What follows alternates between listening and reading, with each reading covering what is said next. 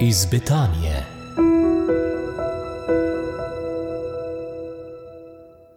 Pred nami je še zadnji teden rubrike iz Betanije v tem letu. Tokrat ne bomo urejali svojega notranjega sveta, temveč vas bomo skušali navdušiti za pospravljanje domov.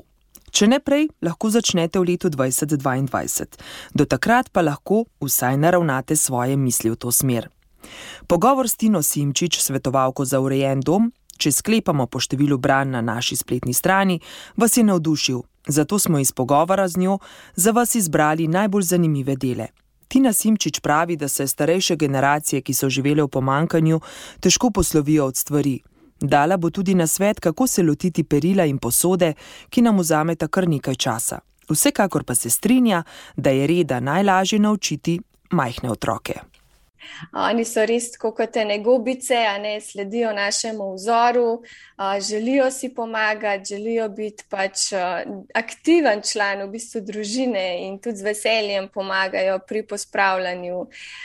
In meni se tudi zdi zelo ključno to, da jih naučimo, kako se odločiti katere recimo igračke ne potrebujejo več, da razumejo, da vsega, kar dobijo, ne moremo shranjevati, da je to res ena taka super koristna popotnica naprej za življenje, ker če pomislimo na generacije nas, mogoče tudi starejše generacije, sploh ne tiste, ki so živele v pomankanju, danes zelo težko spuščajo od sebe karkoli. In tudi tega dejansko vedno ob kakšnih lepih dogodkih, a ne pa zdaj bodo prazniki, spet bo cel kup igrač prišlo v hišo.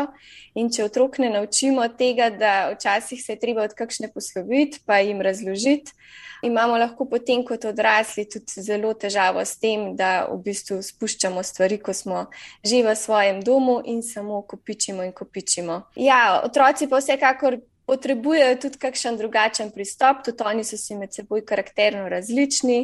Včasih je treba vplesti malo več zabavne note, mogoče lahko skupaj poslušamo pesmico in vmes pospravljamo.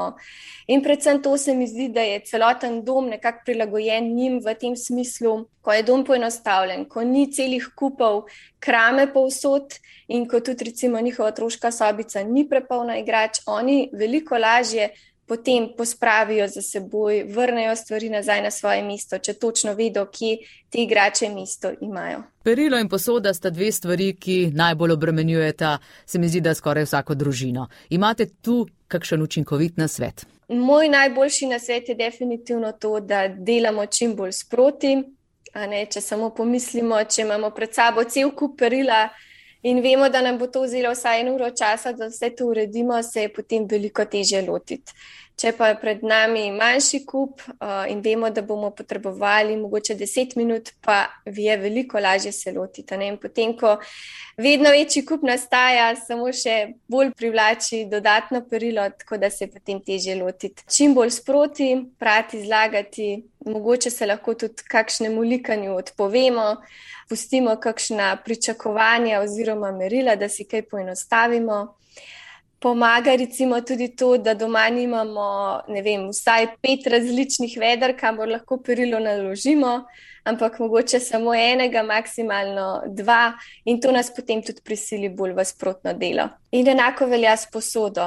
Če imate doma pomivalni stroj, da res pomivalni stroj pere po noči, oziroma pomiva po noči, zjutraj zložimo posodo iz njega, in potem je dejansko pomivalni stroj čez dan pripravljen, da sprejme novo posodo. Če je pa čez dan poven, potem se začne posoda nabirati v koritu in smo spet v tistem krogu, ko se veliko težje lotiti. S Tino Simčič se je pogovarjala Tanja Dominko in z nami bosta tudi v sredo 20 minut čez 9. Takrat se bosta lotili pospravljanja garderobnih omar in čevljev. Bodite z nami.